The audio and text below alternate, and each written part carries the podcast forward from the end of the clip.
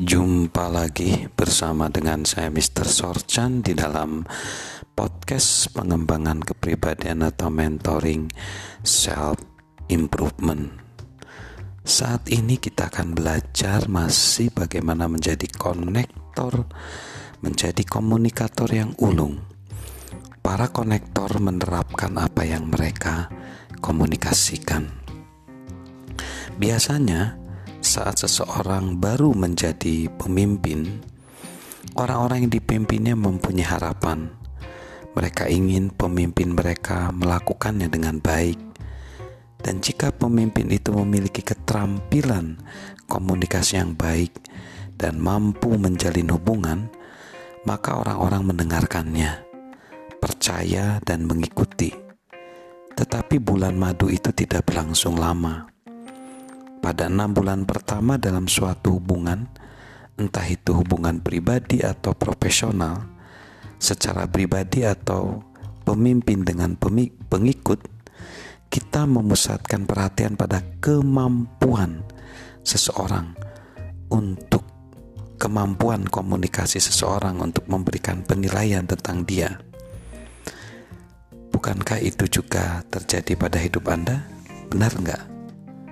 Jika orang-orang tidak berkomunikasi dengan baik, kita memiliki keraguan.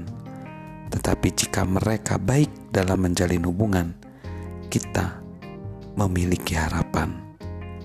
Misalnya, saat kita memiliki atasan baru yang pandai bicara dan menyampaikan visi yang sangat mendorong, kita akan mengikutinya.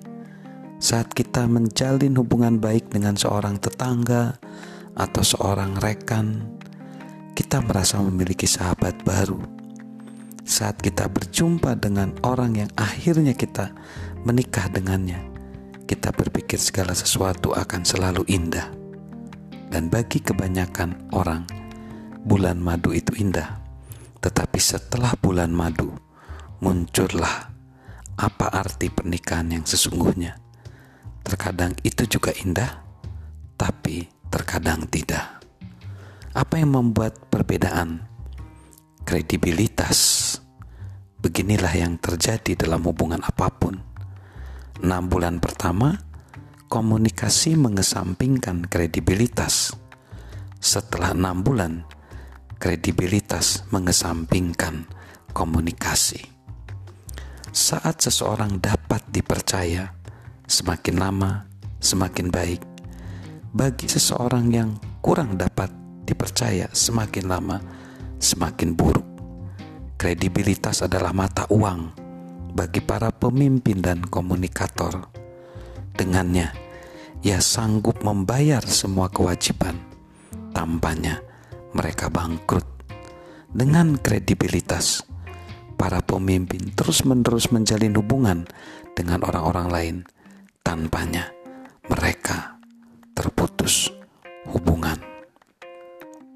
Jadi, seorang konektor, seorang yang ulung, seorang komunikator yang ulung, mereka harus mampu menerapkan apa yang mereka omongkan, apa yang mereka bicarakan.